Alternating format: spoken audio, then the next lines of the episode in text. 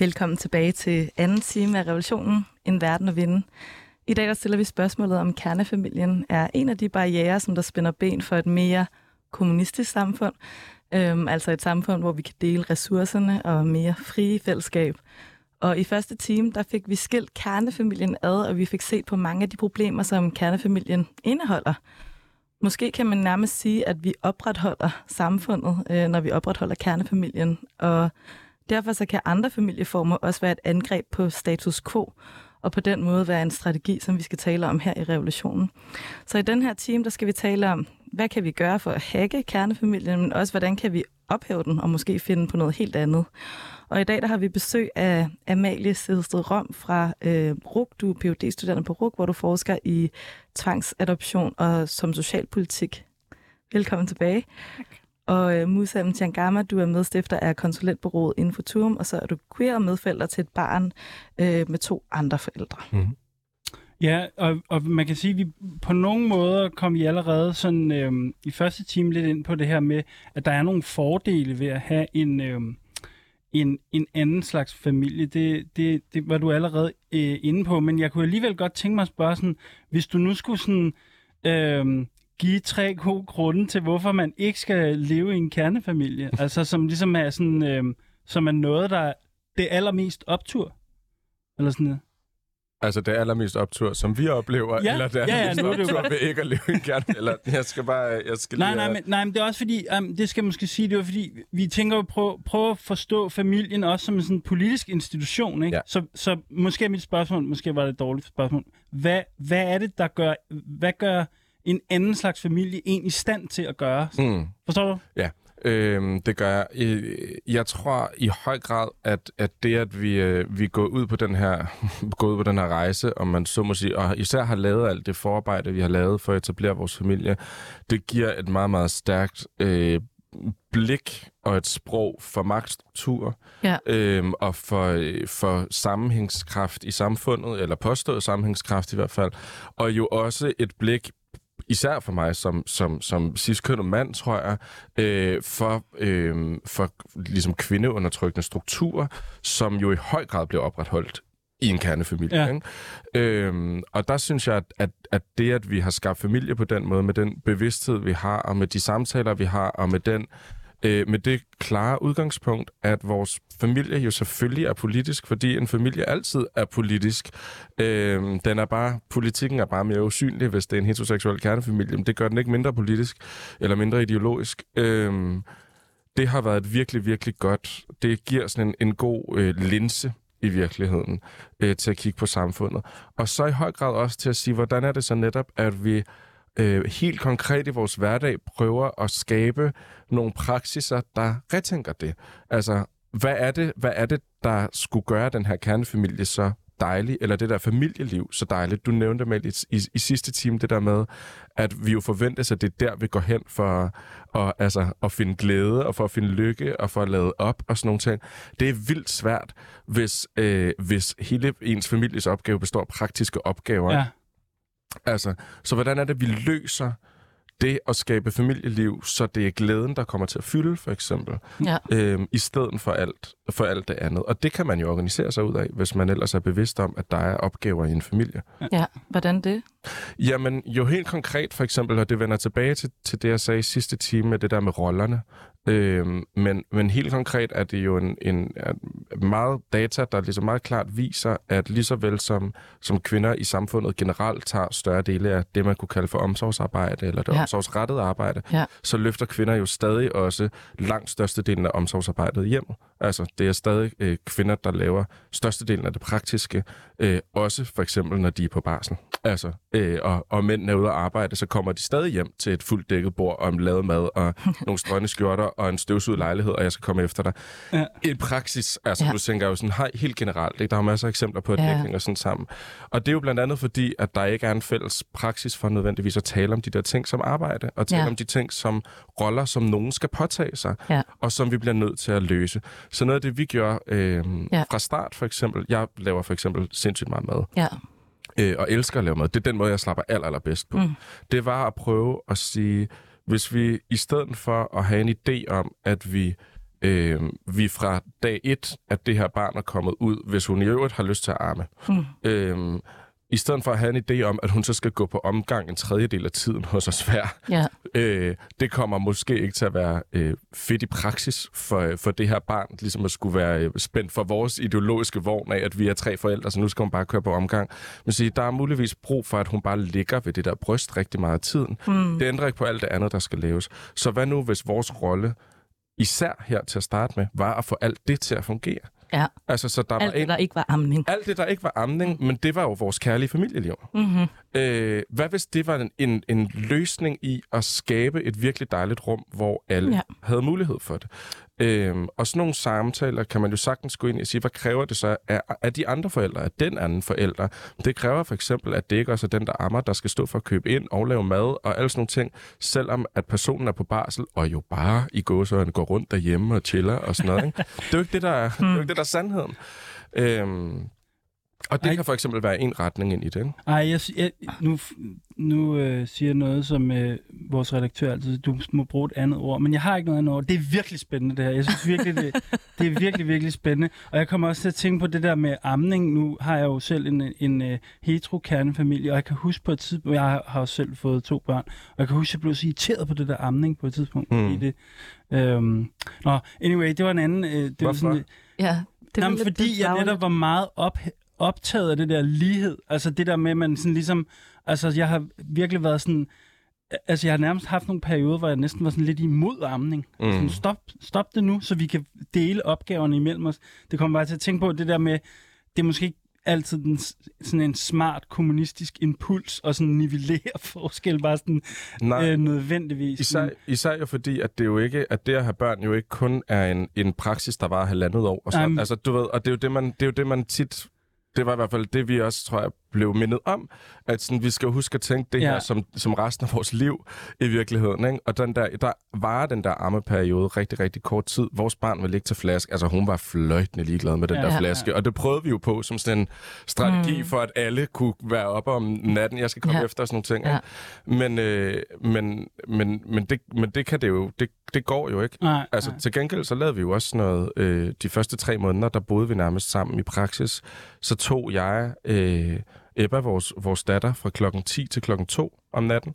Ja. Øh, der havde hun sådan en fire timers sovepause, mm. Mm. og så gik Sami i og sov, og så fik de noget søvn. Og så Ah, vækkede okay. jeg øh, Sara, når, hun, når Ebba vågnede klokken 2, og så skulle hun lige amme. Og så gik jeg ind i deres gæstevand, og så tog Mia Ebba med ud i sofaen. Mm. Og så sad hun med hende, så Sara kunne sove videre, som ammede. Og sådan noget. Så lavede vi sådan nogle treholdsskift, Ja. og det betød, at alle faktisk fik søvn, for eksempel. Men Det det er er, vidunderligt. Ja. Det her, det, det får mig til at tænke på, om vi kan, og det er måske et spørgsmål til jer begge to, kan vi, kan, eller måske i virkeligheden også alle fire, der står her, kan vi tænke familien lidt som en sådan, hvilken som helst anden politisk organisation, sådan, altså hvad ved jeg, en faglig klub i en fagforening, eller en, øh, hvad ved jeg, en basisgruppe, eller et eller andet aktivist, en klimaaktivistgruppe, eller sådan. Øh, du nikker, Amalie? ja, det tænker jeg kunne være en Altså, god eller, idé. eller altså... kunne vi prøve sådan i fællesskab at prøve at tænke familien lidt som sådan en politisk organisationsform, eller et eller andet sådan, som har nogle opgaver indvendigt, det har alle aktivistgrupper, mm. men har også nogle opgaver udvendigt, man gerne lave noget om, eller et eller andet. Jamen, jeg, jeg tænker i hvert fald også, det er vigtigt, det der med, nu snakkede vi øh, i sidste time om for eksempel den her kritik af normer for moderskabet og så videre, ja. at jeg tænker også, at det, det, vi snakker om nu, illustrerer meget godt, at, at det vigtige er ikke, at så, så skal vi så nu sige, at det er dårligt, og så indføre en anden normativ Ja. model. Mm. Ja. Altså, at, Klart. øh, at det nærmere handler om ligesom at måske øh, fokusere på, at der skal være vilkårene for at udleve sit, sine slægtskaber og familieliv. De skal være der for alle. Og, mm. og, hvordan, og, og hvis man så... Og vilkårene Altså- altså, for at have tænkt dem, Ja, altså, at have kunnet tænkt dem in the first place, ikke? mm, Men altså, så, så, så din pointe, bare lige at forstå det, det, det er, at i stedet for at sige, lad os afskaffe øh, far, mor og børn, øh, konstellationen, der alle sammen bor sammen, men vi skal ikke opfinde en ny, Nå, men så skal det så hedde tre medforældre øh, og to øh, skiftehold øh, i to boliger. Det rimer øh, også fordi rimelig det vil bare dårligt. være en, en ny, det vil bare være en ny øh, nor- normativ øh, øh, figur på en eller anden måde. Men jeg tænkte også bare på det, det du sagde, Musa, øh, med at have haft vil, vilkårene for, for ligesom at, at tænke det som en politisk organisation på en eller anden måde. Du har jo nævnt, at I har skrevet en form for erklæring, Mm. eller en, nogle, ja, en, en form for sådan der fælles Værdipapir. værdipapir. Mm. Hvornår havde I tid til at gøre det? Hvornår, hvornår gjorde I det? Altså, øhm, problemet, problemet med at tale om alting i, øh, i, i hvad hedder sådan noget, hindsight, skulle jeg til at sige, øhm, det er jo, at man kommer til at lyde meget mere organiseret, end man er. Øhm, vi var, øh, vi var nogle sådan vi var nogle meget idealistiske typer, der, der endte med at, at, at gå meget lidt op i alt det, der var systemisk, for eksempel. Ikke? Ja. Altså, øhm, Hvad betyder det? det betyder for eksempel, at hele det der børneprojekt var sådan noget, altså jeg tror, vi kiggede på fødselsforberedelse to uger inden fødslen, for Mm, eksempel. altså, måde, noget, ja. Du ved, vi var sådan her, øh, nå ja. Ja. Men noget af det, vi brugte rigtig meget tid på, det var at øh, tage nogle samtaler og lave nogle nedslag i, hvad, hvad der var vigtigt for os som forældre. Vi kendte hinanden pæfærd før, men vi Ja. var jo ikke super gode venner. Mm. Det, det er vi ligesom, vi, er, vi, vi, har, vi har bygget en meget, meget kærlighedsfuld familierelation. Ja. Men det var ikke en, der var ligesom Mm. etableret. Ja. Øhm, og så, øh, så fik vi øh, udkast til sådan en, en, en forældrekontrakt, kan Ja. man sige, som, som nogle be- bekendte af os, som var øh, to par, der valgte Ja. for et barn sammen, havde Mm. mm. Så kunne vi jo se, her er der nogle nedslag i noget med, vi skal tale om, hvordan vil vi holde ferie, Ja. og holder vi jul sammen, hvad, hvad Mm. betyder det? Øh, Vi har tre familier også, vi trækker med ind i det her, hvordan Mm. gør man det? Og Ja. alt sådan noget, ikke? Vil vi bo sammen? Nå, ja, nej, hvad er for imod? Alt sådan noget. Mm. Øhm, og så blev det jo til sådan et, et, et, et, en form for papir. Mm. Og så, øhm, så øh, sådan relativt langt i processen, så var, var, var ret gravid på det tidspunkt, så, øh, så fik vi, som jeg nævnte, øh, Camilla Tved, den her familierådgiver, Ja. seksolog indover, og så var hun sådan, altså det her, det er jo rigtig sødt, det I har skrevet, men der er jo ikke noget indhold. og så var vi sådan, ja, okay, vi synes lige, vi var så seje. Jeg havde prøvet at gentænke det hele. Og så var hun sådan, ja, ja, men altså, øh, nu skal vi her, I, øh, altså, I, jo- I er jo i gang med at hacke systemet. Mm. Så det skal vi jo lige have lavet et sprog for, som er meget skarp- skarpere. Ja. Og så fik vi ellers øh, en liste af øh, podcasts og litteratur, og jeg skal komme efter dig, som vi så fælles ligesom dykkede ned i. Så kørte vi en masse ture og lyttede til nogle af de her podcasts, især en, en amerikansk podcast, der hedder Parenting is Political, Mm-hmm. som virkelig kan anbefales. Øhm, og det gav sådan et helt nyt sprog, hvor vi var sådan, hey, hvad betyder det, at vi er en feministisk familie? Ja. Hvad betyder det, at vi er en antiracistisk familie? Hvad Ja. betyder det, at vi er en queer-familie? Hvad betyder det, at vi er en antikapitalistisk familie? Hvad betyder det, at vi er en klimaorienteret familie? Og så gik vi ligesom igennem nogle af de skridt i stedet for at prøve at få fældet det ned. Og det betyder for eksempel, at noget af det, vi er meget enige om, det er, at, øhm, at vi at det skal være en aktiv del af vores familiepraksis og være med til at skabe noget forandring. Ja. Øhm, at det, er der, det, skal der, det skal der kunne tages tid ud til, for eksempel Mhm. mm-hmm. fra familielivet, at Ja. være forandringsskabende, og have sådan nogle her snakke, for eksempel, ikke? Øhm, og, øh, og gøre det. Tror jeg ikke, der er nogen, der... Det slår mig bare lige, men tror jeg ikke, der er nogen, der sidder derude, nogle lyttere og tænker sådan, ah, okay, øh, po- I politiserer jeres øh, intime relationer, eller sådan, er det ikke mm. En form for, hvad ved jeg, nu skal prøve at gengive argumentet lidt lojalt, ikke? men er det ikke en form for instrumentalisering af mm. Jeres øh, familieliv, eller et eller andet? Forstår, ja. Ja. eller har, har, du, har, har du mødt den kritik? Jeg har mødt den, jeg har mødt den frygt, i hvert Ja, fald. okay, ja, ja. Især jo for folk, der ikke er sammen med os som familie, fordi Ja. jeg tror, at det de, vil, det, de vil, det, de vil bemærke, det er, at vi det meste af tiden jo øh, sidder og øh, leger med vores barn, og øh, hvad hedder sådan noget, synger Se min kjole, som lige nu er det store hit derhjemme, og, øh, og, og har et fuldstændig ligesom, sådan familieliv med et lille barn, som skal passes på, og som skal opdrages, og som, øh, som skal hænge sammen i sådan en super, super presset hverdag. Men muligheden for, at vi kan gøre det med relativt få udsving, og med relativt få... Øh, jeg vil ikke kalde det for skænderier, men konflikter i virkeligheden, det er, at vi har lavet alt det forarbejde. Mm. Fordi hver gang vi møder et system, så møder vi øh, spejlet af, at vi har valgt at stå uden for det normative fællesskab. Men- Jeg vil også bare lige sige, at, at jeg tænker også i forhold til den her kritik med, sådan, når man politiserer du ikke noget, som, som der i virkeligheden bare er øh, na- naturligt og, og menneskeligt, at der handler det jo også rigtig meget om privilegier, og hvem der ligesom får muligheden for at sige, at ting er politiske eller ikke politiske. Og, Mm. altså, som, som I jo også har nævnt flere gange, altså den heteroseksuelle kernefamilie er jo også politisk øhm, på en eller anden måde. Altså, så jeg, jeg, tænkte, jeg tænkte også bare over det i forhold til sådan, at queer-liv på mange måder, altså der er jo mange ting, der ikke giver sig selv. Altså der er jo ikke det her script, som man kan følge, så man bliver nødt til hele tiden at tage stilling til sådan, mm. og hvad med det her, og hvad med det her, og hvordan kan jeg få det forenet med på en eller anden måde sådan, øh, min identitet, eller, eller, eller hvordan livet i øvrigt skal være. Mm. Øh. Du nikker, Amalie. Har du noget at øhm, tilføje? Jeg, jeg, jeg kom bare til at tænke på øhm, den øh, roman, der hedder Detransition Baby mm, ja. af Tori Peters. Øhm, som I sikkert har hørt om, eller måske læst. Du må rigtig gerne fortælle ja, om jeg, jeg kender den ikke. Øhm, det, det er en roman, som er skrevet af en, øh, hvad hedder det, en forfatter, som er transkvinde, og som skriver om sine erfaringer øh, fra transmiljøet i New York, øh, og helt specifikt, ligesom, øh, altså det er, en, det, er en, det er fiktion, det er en roman, øh, følger de her tre mennesker, som øh, prøver at lave en familie mm. med hinanden. Mm. Øh, og, øh, og, og det, jeg synes, det jeg kommer til at tænke, eller grunden til, at jeg kommer til at tænke på det, er fordi, at jeg synes, at den på en meget god måde, lidt ligesom øh, Musa også gør, den, den, den bruger en masse tid på at, at gå igennem det her med, okay, ved at bryde de her normative skemaer eller forventninger, eller hvad man kan kalde det, så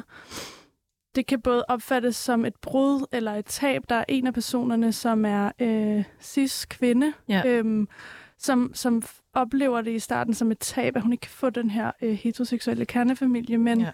det åbner også det her rum, hvor de kan gøre nogle virkelig, virkelig gode ting. Mm-hmm. Øhm, men den bog serverer det ikke. Altså, mm-hmm. den, den, den, den er ikke sådan, okay, så det modellen kører. Den, den viser ligesom bare det her med, okay, der, der er alt det her liv, der kan være på den her måde. Mm. Øhm, og man ved ikke, hvor det ender. Mm-hmm. Øh, men ja, lad os, lad os prøve at tage lidt en pause på det her nu, og så vende opmærksomheden mod øh, verden og nogle af de nyheder, som vi tænker, der peger på politisk mod.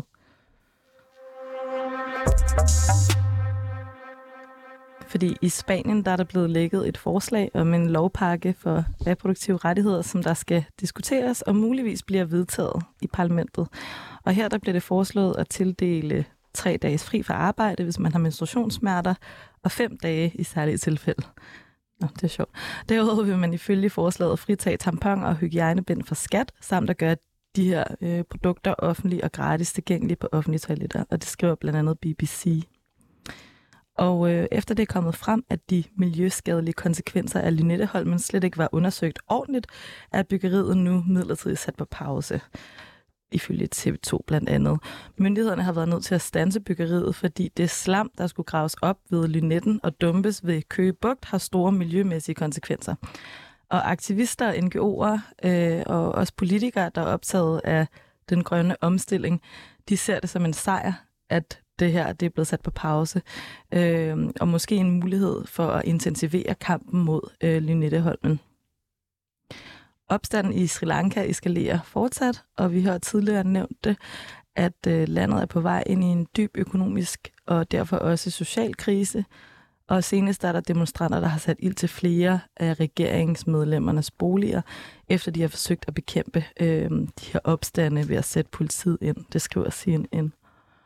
Ja, vi har ellers det her dogme om, at i, i, øh, i nyhederne, vi skal ligesom finde nogle nyheder, som ligesom er sådan lidt fremadskuende eller optimistiske og sådan, og, og det, øh, i Sri Lanka er det, jeg tror, det er en rimelig presset situation, så på den måde er der ikke så meget opløftende i det, men jeg tænker alligevel, at, eller vi tænker, at det var en, en god nyhed, fordi det siger noget om, at økonomi, når økonomien bryder sammen, så reagerer folk også øh, og opfatter økonomien som uretfærdig grundlæggende. Ikke? Så, det, så sådan, det optimistiske er her, at opdagelsen af, at økonomien ikke er et naturfænomen, som bare sådan er der. Det, der er nogen, der gør noget, og man kan forandre tingene. Øhm, og så det andet, jeg tænkte som grund til, at, at, at jeg synes, det er en relevant nyhed, er, at det, jeg tror, at Sri Lanka ligesom er den, det første sted, hvor vi vil se, øh, jeg, jeg, har, jeg er også lidt krise, kriseramt. Jeg synes altid, der er krig. Men der er en krise på vej. Jeg tror, jeg sådan tredobbelt pandemi, inflation og gældskrise på vej. Mm. Øhm, og øh, man kan sige, at det her med Sri Lanka er sådan et eksempel på, at, at, øh, altså, at vi her, hvor vi bor, ligesom eksternaliserer sådan, den globale økonomis sådan, konsekvenser til et sted langt væk grundlæggende. Så derfor synes jeg, det er vigtigt at holde sig orienteret om, hvad der sker alle mulige andre steder i verden. Øhm, ja, og øh, med den lille kommentar, så går vi tilbage til dagens tema.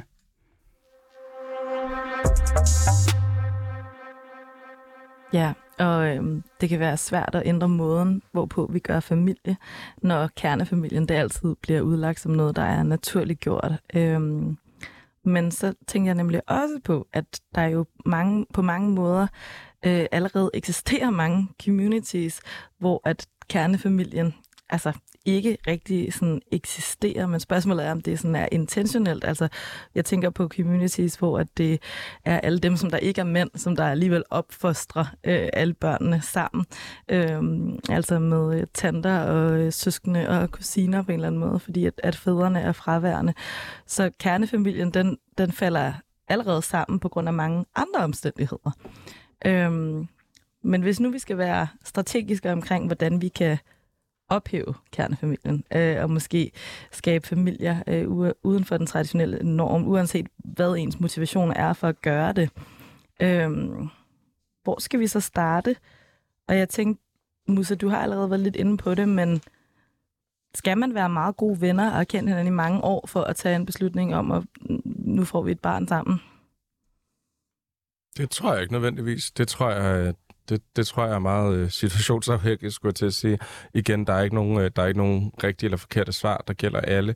Øhm, jeg tror for mig, at der var en, en sådan stor lyst til ikke at gøre det her sammen med nogen, der var tætte venner.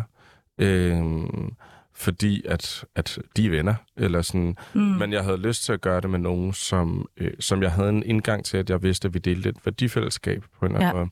Og derfor øh, gav det rigtig god mening, da, da, da Sami og jeg begyndte at tale sammen, for vi, vi var bekendte. Altså, vi, mm. vi kom i ligesom de samme kredse. Ja. Øh, så jeg havde sådan en, der var på en eller anden måde sådan en, en vetting-proces i, at ja. sådan, jeg vidste godt, at jeg faktisk synes, at det var nogle, det var nogle relativt dejlige mennesker. Jeg kendte dem bare ikke særlig godt.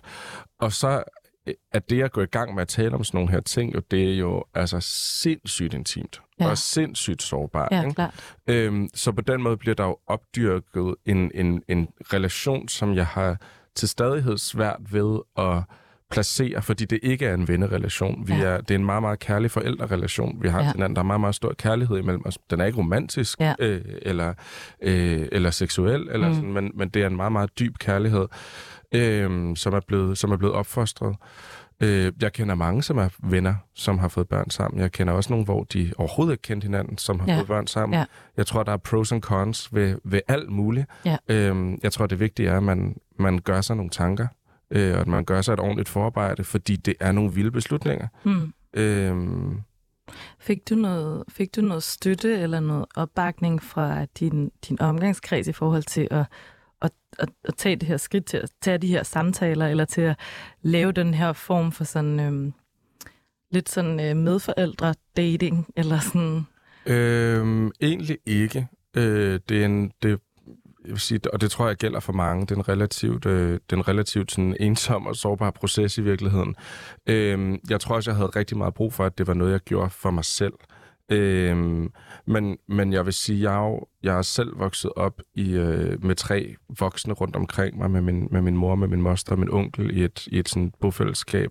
Øh, min, øh, min far, der er fra Komorerne, som traditionelt set har været en matrikalsk stat, hvor mm. der også er, er stadig, tror jeg faktisk, flere kuneri til, at er sådan, jeg voksede op med nogle billeder på, at familieliv godt kan være anderledes, mm. for eksempel. Ah, ikke? Ja. Øhm, og har selv ligesom levet det i praksis. Øh, jeg har været et parforhold tidligere, hvor, hvor der var en, et, et barn med flere forældre. Ja. Øhm, så så jeg tror, jeg, jeg havde lidt nemmere måske ved at navigere det. Ja. Øhm, du var blevet præsenteret for nogle, altså for nogle muligheder. Meget andre muligheder. Ja.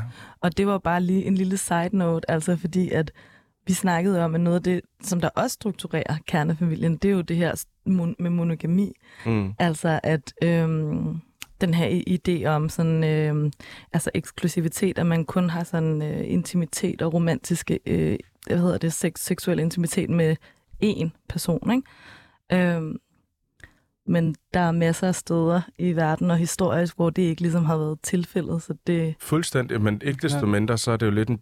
Altså, hvor fanden går man hen for at finde en, man gerne vil have et barn med, som ikke er en romantisk relation? Altså, det, mm. sådan, spørger man nogen, på Cozy Bar? Eller, altså, det er sådan, hvor, hvordan gør man det? Jeg lavede jo oprindeligt en profil på det, der hedder regnbuebarn.dk, for eksempel, ah, okay. som er sådan en, en online platform. Ikke?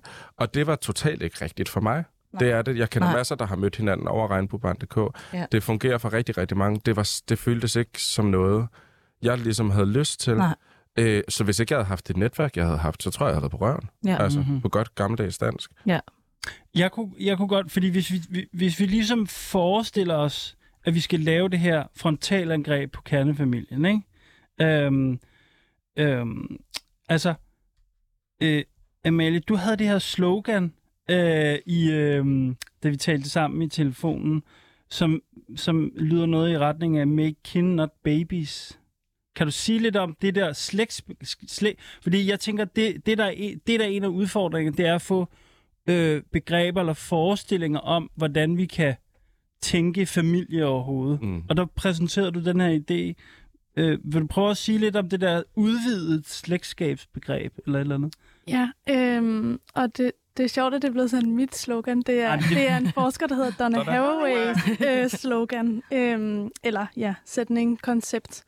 Øhm, og det er faktisk ikke noget, jeg sådan er ekspert på, men det er noget, jeg kom til at tænke på i forbindelse med de her snakke, fordi det, jeg synes, der er interessant ved det, øhm, det er, at det ligger op til ligesom en, en udvidelse af slægtskabsbegrebet, sådan så øhm, at altså hun Donna Haraway har for eksempel også øhm, skrevet om det her med øhm, hvad hedder det slægtskab mellem mennesker og dyr.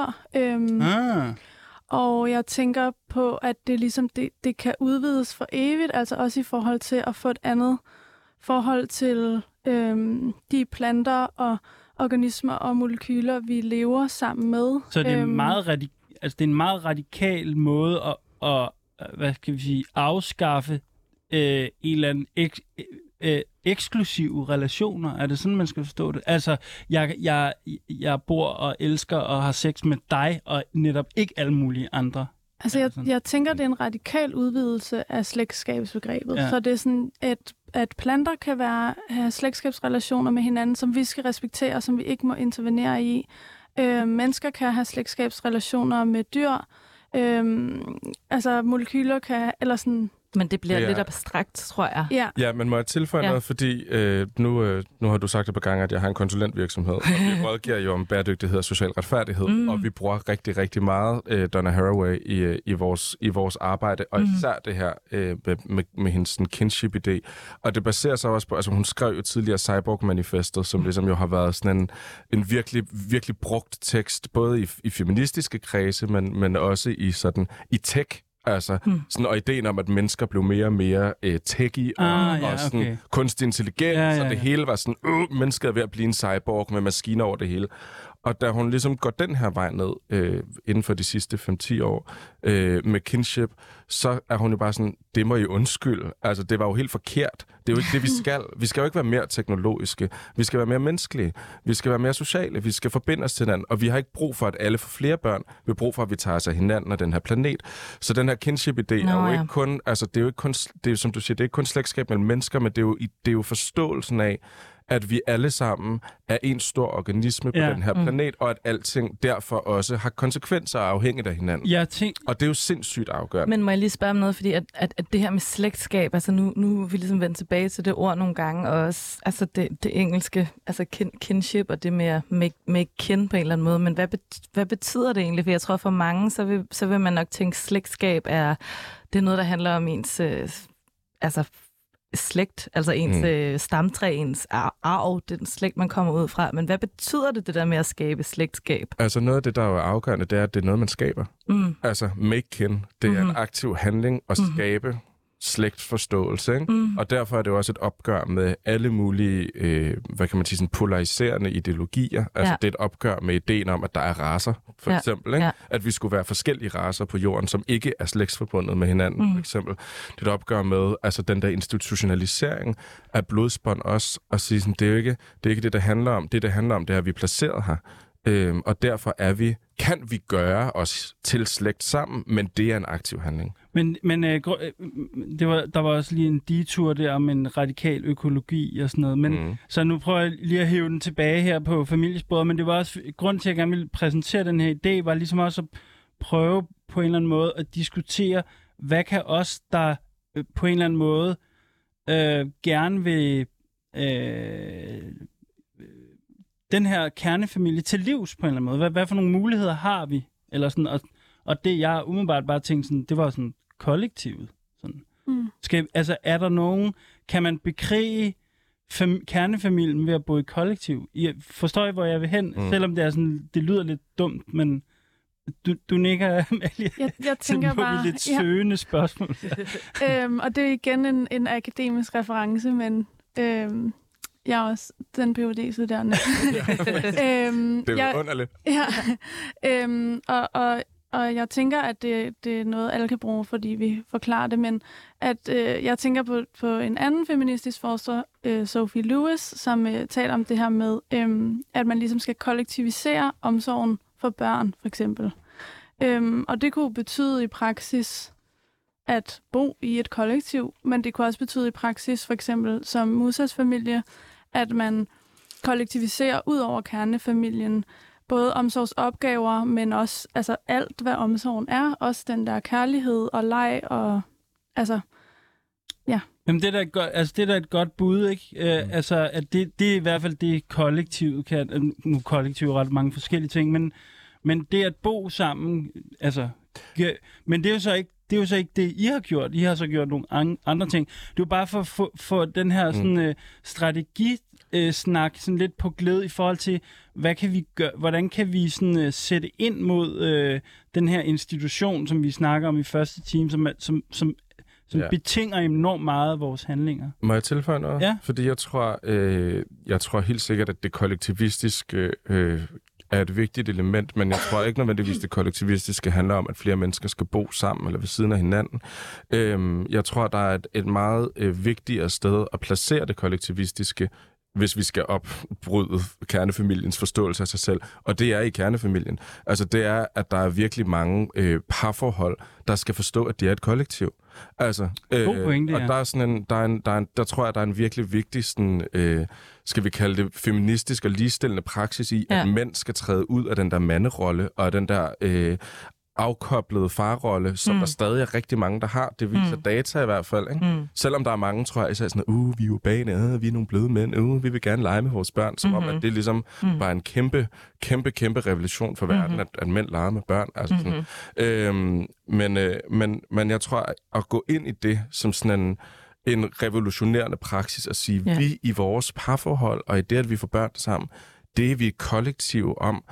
Hvad betyder det for alt? Og hvad betyder det så i øvrigt for, hvordan vi forbinder os til vores venner, Ja. som også har den her snak? Så vi begynder at lave ting, eller til bedsteforældre, eller til vores tanter og onkler, eller til vores søskende, Ja. der også har den her snak. Det er en god pointe. For eksempel det der med, at selvom man er en kernefamilie, sådan noget for far, mor og børn, så kan man godt holde husmøder, for eksempel. Mm. Øh, det, der, det, var, det er lidt banalt, men det, nu har jeg boet rigtig mange år i kollektiv, og det er jo ligesom, det er jo ligesom der, hvor man mødtes og planlagde, hvad skal vi i fællesskab. Og det kan man jo godt gøre i en kernefamilie. Sådan, på den der måde, tænk, tænk det sted, hvor vi lever som et politisk fællesskab. Sådan. Mm. Så kan der være, at der er nogle børn, der lige skal hjælpes med mad, maddagen, eller hvad ved jeg ikke. Men, men sådan, øh, sådan, det synes jeg er et meget godt lille fif, eller en lille strategisk greb, hvis man sidder derhjemme og sådan helt hegnet ind i sin kernefamilie. Man kan sådan, der er mange gode greb til at... Mm. Jeg tror i hvert fald, at der er sådan nogle... Det oplever jeg i hvert fald i praksis, at der er... Altså, antallet af, af, af, af kvinder især, der er, er til falds for, øh, hvis, der, for eksempel, der gik rundt med mit barn på maven i en bæresele, for eksempel. Ikke?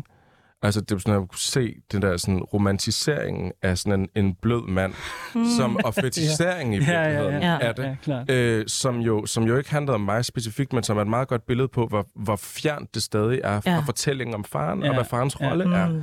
Og derfor tror jeg, at det er en opgave, mænd skal tage på sig. Ja. Jeg tænker bare på, i, i, apropos, apropos det her med kollektiv og boformer og sådan noget, så skal vi til skal vi så ikke uh, tage et smut forbi Jo, jo, jo, brevkassen, jo. hvor vi har et dilemma, der handler om det? Fordi vi har den her brevkasse, hvor vi har forskellige politiske dilemmaer fra lytternes hverdagsliv. Og vi har fået et spørgsmål, som netop handler om det her med det individuelle og det større sådan, kollektive ansvar. Øhm, jeg håber, I vil være med til at øh, give et godt råd. Øhm, jeg læser bare op. Jeg har mange venner, som ejer boliger, hvis forældre ejer boliger, eller har været skrevet op til lejeboliger hele livet, så de nu befinder sig i sikre boligsituationer. Hvordan taler jeg med dem om, at det er utrygt og skræmmende at stå udenfor? Kender I nogle fede initiativer, som jeg kan introducere dem for, som arbejder med omfordeling af boligprivilegier? Jeg vil også selv meget gerne være med til at skabe boligtrykket for flere, når jeg får min egen bolig, hvilket jeg drømmer om at satse på. Ja, det er jo virkelig det der med... Men det kommer jeg bare til at tænke på. Det skal man huske, det er jo ikke alt, der har et sted at bo. Altså simpelthen, den her person er, virker øh, lidt desperat faktisk, ikke? Den her person har ikke et sted at bo. Eller Øh, også bare sådan, hvordan, hvordan kan man snakke med, altså måske igen det her med naturliggørelsen, altså hvordan kan vi blive opmærksom på, at det med, at man har et bolig, eller har adgang til bolig, Ja, er ikke noget, som man bare har. Nej. Og hvordan kan man måske overskride det der med, når man, det er også andres ansvar, end bare den, der ikke har nogen bolig. det er en god pointe. Altså, er der jeg, måder, vi kan snakke om det på? Ja, jeg kom, i, jeg kom til at tænke på, at for det første, vi skal lave et program om bolig, det er vigtigt. Ja. Det må vi lige, øh, det, ja, for der er mange spændende diskussioner. Men det, jeg kom til at tænke på, det var, at vi skal faktisk også huske, at arbejderbevægelsen jo faktisk har også vundet en sejr her engang, kom jeg til at tænke på, fordi det der med at være skrevet op til bolig, altså det der med, på et tidspunkt var der jo faktisk nogen, der tænkte, hey, det der bolig her, det er noget, vi skal slås for i fællesskab, og så skal vi lave nogle boliger til os alle sammen. Eller i Men det er ikke det, vi skal snakke om nu. Vi skal snakke om, hvordan Ja. kan den her person få nogle gode råd til, sådan så dem med bolig måske kan være med til at dele den øh, tryghed på en eller anden måde. Har I nogle gode idéer til? Mm, det første, der falder mig ind, er øh, mm, måske er rådet bare at, at prøve at have samtaler med venner omkring det. Altså, jeg ville ønske, jeg havde det bedre råd end det, fordi samtaler, altså, det, det kræver også meget, at det er at den person, der, der har et problem, der skal bære ansvaret for det, og det er måske lidt uhensigtsmæssigt, men altså, jeg kommer bare til at tænke på Airbnb, og at jeg synes, at det faktisk også er en praksis, som ikke er særlig problematiseret, at folk tænker, at det er problemløst at øh, bruge Airbnb. Øh, og også i forhold til det her med at være i en prekær boligsituation, og alle udlejer deres boliger på Airbnb, så forsvinder der også muligheden for sådan, hey, jeg er væk hele august, øh, Mm. kan du ikke komme og vande planterne Ja. og bo hos mig? Eller, øhm, at, at, at jeg tænker, det er vigtigt både for sådan byer og boligmarkedsudvikling generelt, men også bare helt sådan konkret for folk, der gerne vil bo et sted, der ikke har masser af penge til at betale for det, at prøve at stoppe med at altså, få det lukket ned. Mm. Ja. Ja, ja, jeg er en- enig. Altså, jeg, jeg synes også, det hvorfor er det så svært at snakke om det her? Altså, Altså- det Jeg tror, at det er en af de første gange, hvor jeg virkelig selv, hvis jeg skal bringe mig selv på banen her i forhold til spørgsmålet, øh, altså jeg flyttede ind i en ny lejlighed 1. februar, øh, efter at have boet i sådan nogle fremlejelejligheder de sidste mange, mange, mange, mange år. Mm. Øh, og, øh, og jeg kommer, øh, for det første kommer jeg ikke af sådan, af særlig, særlig mange penge, men jeg har heller aldrig nærmest sparet en krone op. Til gengæld skylder jeg heller ikke nogen penge. Mm. Øhm, men, øh, men, og er selvstændig og har været det de sidste 4-5 år øh, i midt under en global pandemi og ja. øh, inflation, og jeg skal komme efter.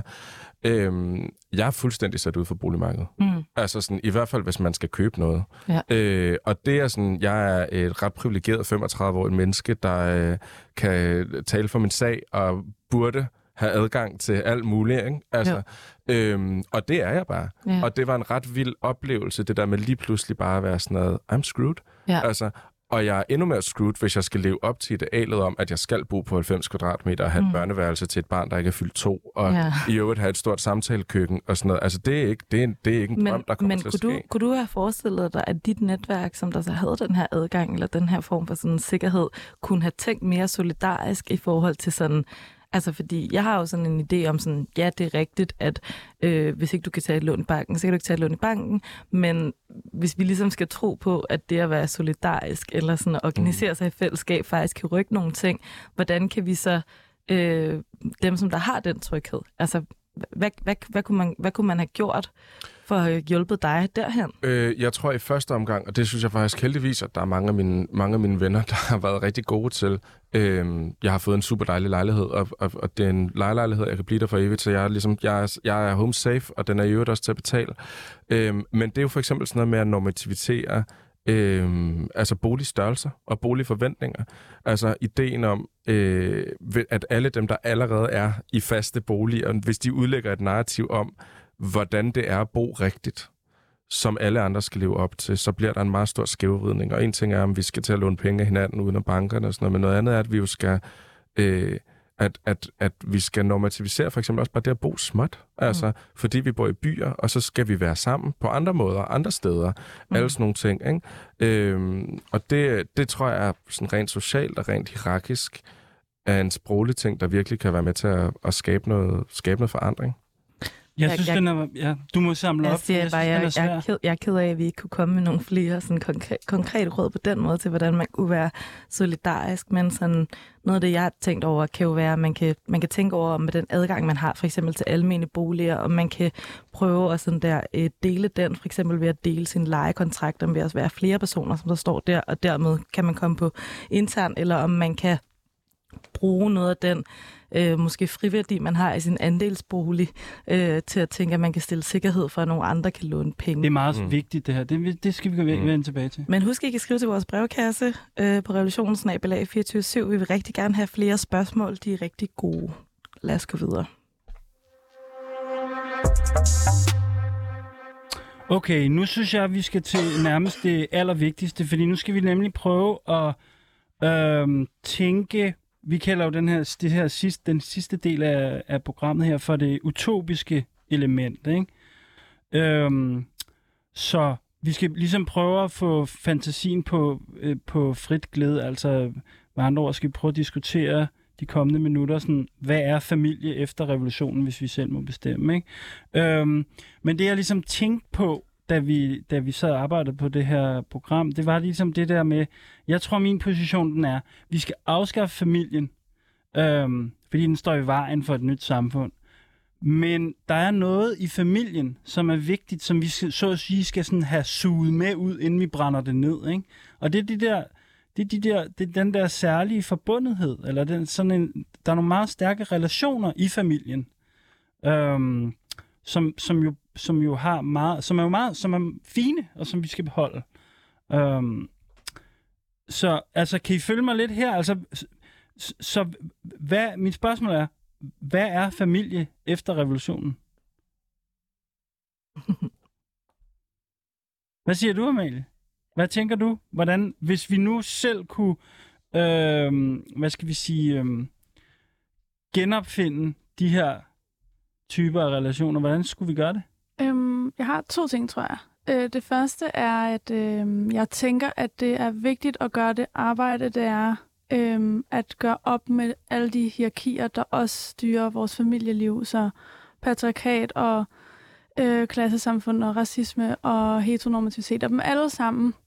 Øhm, og, og det kommer jeg nemlig til at tænke på i forbindelse med det der med øh, husmødet, ikke? At, at, øh, jeg, at jeg tænker, at det at indføre et husmøde, øhm, hvis det ikke bliver gjort i sådan en... Øhm, hvor man, hvor man gør det der arbejde, så, så tror jeg ikke, at det vil gøre en særlig stor forskel, øhm, at man sidder til et husmøde en gang om ugen. øhm, øh, så, altså, øhm, og så den anden ting, at det her med, som, som jeg også har lidt nævnt, men jeg tænker, at en måde at forene de her forskellige kritikker, altså kernefamiliens opløsning, men også det her med insisteren på reproduktiv retfærdighed, at, at det vigtige vil være, at der skal være vilkår for at udleve familie og slægtskab for alle øhm, på den måde, de vil. Og, og hvad er det for nogle vilkår? Altså, der skal for eksempel være økonomiske vilkår til, at øh, man kan leve sammen, og ens øh, liv ikke bryder sammen, øh, fordi man for eksempel ikke har et sted at bo, eller man ikke kan få et arbejde fordi man er afhængig af offentlige ydelser, øhm, der er for lave og sådan nogle ting. Øhm, og hvad hedder det, statslige lov, altså lovmæssige vilkår for, at, at alle familier kan eksistere. Altså jeg tænker, det, det hele vejen rundt på institutionerne og på de sociale øh, normer, at, at det er, ja, det er Mm. vigtigt. Jeg tror også, altså jeg drømmer i hvert fald om, at, at den her normalisering af de her meget varige relationer, som der er i familie, altså sådan, der er jo det her med, folk de tænker, at du kan jo ikke vælge, hvem der er din familie, eller det er jo nogen, som der følger med dig resten af livet på en eller anden måde, at vi kan, at vi kan normalisere, at det har man med sådan mange og med Mhm. flere, og man er sådan forpligtet på hinanden, øhm, får det til at fungere på en eller anden måde. Altså sådan, øhm, uden, uanset hvad det ligesom er for nogle øh, udfordringer, som, som, som der kommer, fordi at, at tit så har folk den her idé om, at venskaber, de bare kan være sådan sporadiske og midlertidige, og noget, som der tit må vige for, ja, det ved jeg ikke, netop familien på en eller anden måde. Altså sådan, så der er noget med det her med, med varighed i hvert fald. Mm. Jeg tænker bare, at det er meget svært at tale om familiens rolle i øh, efter revolutionen, uden også at tale om arbejdets rolle. Mm. God point. Øhm, og derfor, øh, nu, øh, nu går jeg lige ud af en tangent her, men derfor tænker jeg, at det der måske kunne være, altså det jeg synes jo er smukt ved familien, det er jo netop de her forbindelser og det sociale og trygheden og alle sådan nogle ting. Det der ikke er smukt ved familien, det er ligesom, at den isolerer sig. Ikke? Øhm, så hvad hvis familien, øh, det at folk gik sammen om at, at være i, i nærhed med hinanden og forbinde sig til hinanden og få børn med hinanden og sådan noget, var det smukkeste, vi havde, i stedet for Danfoss' overskud eller et eller andet. Ja. Øhm, og derfor blev fuldstændig øh, hvad hedder sådan noget, satte baren for alt andet. Ja. Så hvad hvis det var familien, der dikterede, hvordan man arbejdede, for eksempel? Mm. Og ikke omvendt, at det ikke var arbejdspladsens forventninger til, at her skal du levere 45 timer og Mhm. mm-hmm. mere arbejde og alle sådan nogle ting, og sådan her barselsreglerne. Men at det var det, at man havde besluttet sig for at gå sammen med nogen, som så ligesom sagde, okay, når I bor det her sammen med det her, og I Ja. ja. har noget, okay, men så, skal I, så kan I arbejde så og så meget Wow. for at kunne gøre det. Så det er omvendt, så det, så det er ligesom det er arbejdet, så at sige, i de nære relationer med at skabe forbindelser og mm. slægtskab og, og tænke sit parforhold som et kollektiv, som der skal være det primære. Ja, Altså, og ikke den kapitalistiske ligesom, vækst, det vækstrationale, der, ligesom, Ja. ja. der præger det, som er det, der lige nu er dagsordenssættende for rigtig meget familieliv. Jeg, jeg kom til at tænke, det, det synes jeg, det, det, det er meget godt set det der, men jeg, jeg kom til at tænke på noget andet også, og det er det her spørgsmål om skala. Altså, hvad, hvad er græn... Er, altså, fordi... Øh, hvad er grænserne for... Jeg forestiller mig, at vi bor i en eller anden form for kommune eller et eller andet, ikke?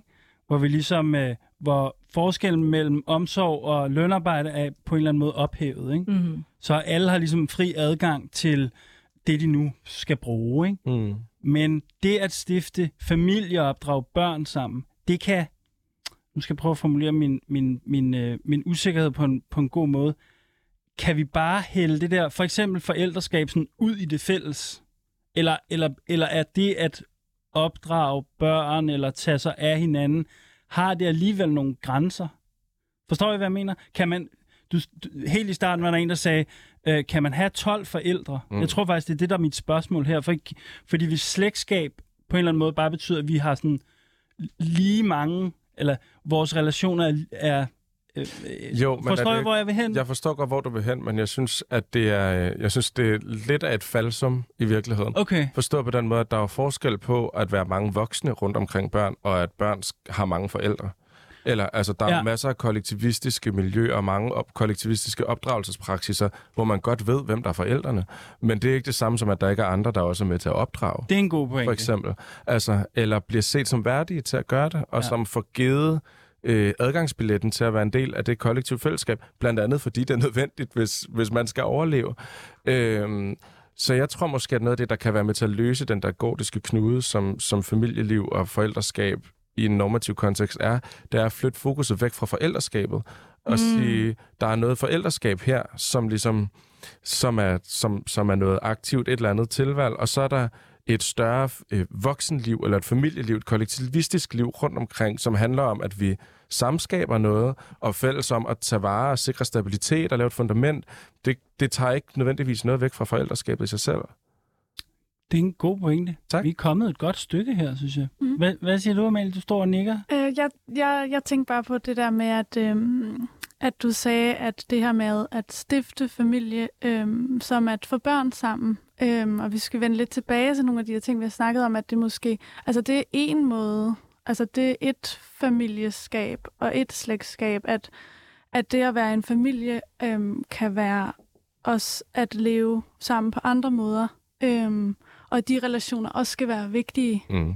og beskyttelsesværdige og ja, kollektivistiske. Ja, og at du for eksempel jo også kan være en del af en familie, hvis du ikke har lyst til at få børn. Ja, Altså, klart. det, det, det, er jo Ja, også, klart. det er jo også en del af det, ikke? Ja, ja, ja, typisk ikke ja. bliver, bliver sat i, i familierelationen. Udmærket. Mm. Hvad hedder det? Vi har jo den her øvelse til sidst, at vi skal lave, vi skal samle op til et manifest, så altså, øhm, altså fra dagens program, ikke? Så hvis vi skulle formulere sådan et, en kommunistisk øh, familiepolitik på 10 punkter, nu kan vi måske ikke nå 10 punkter, men måske 3.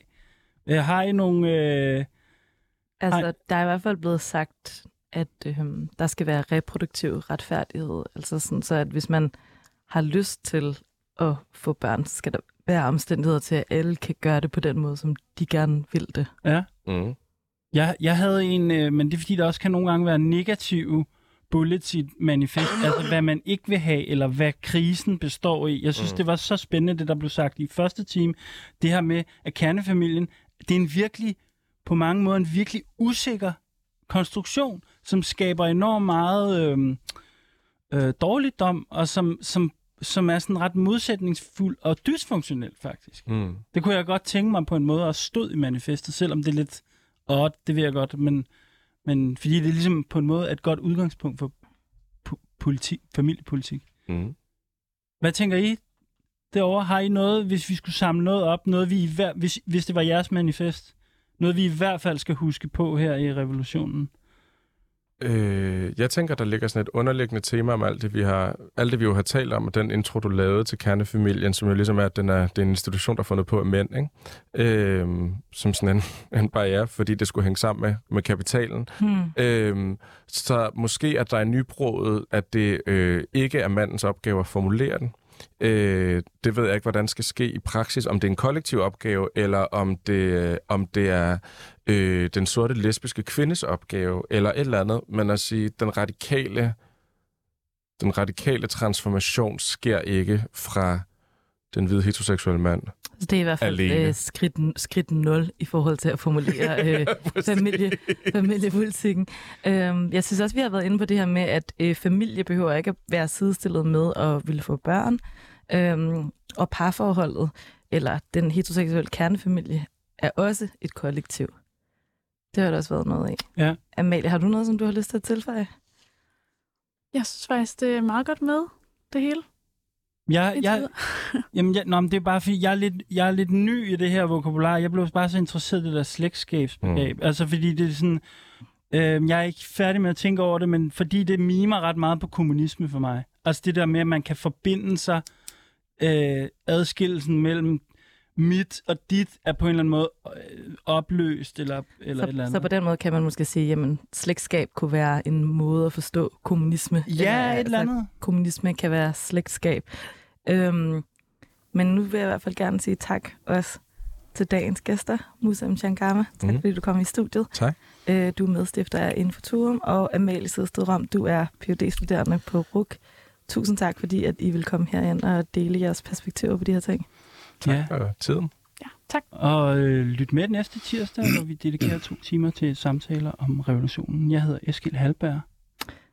Og jeg hedder Laura Henne Blankholm. Vores redaktør hedder Rebecca Nørum. Og øh, husk, at vi har kun vores lænker at miste, men en verden at vinde.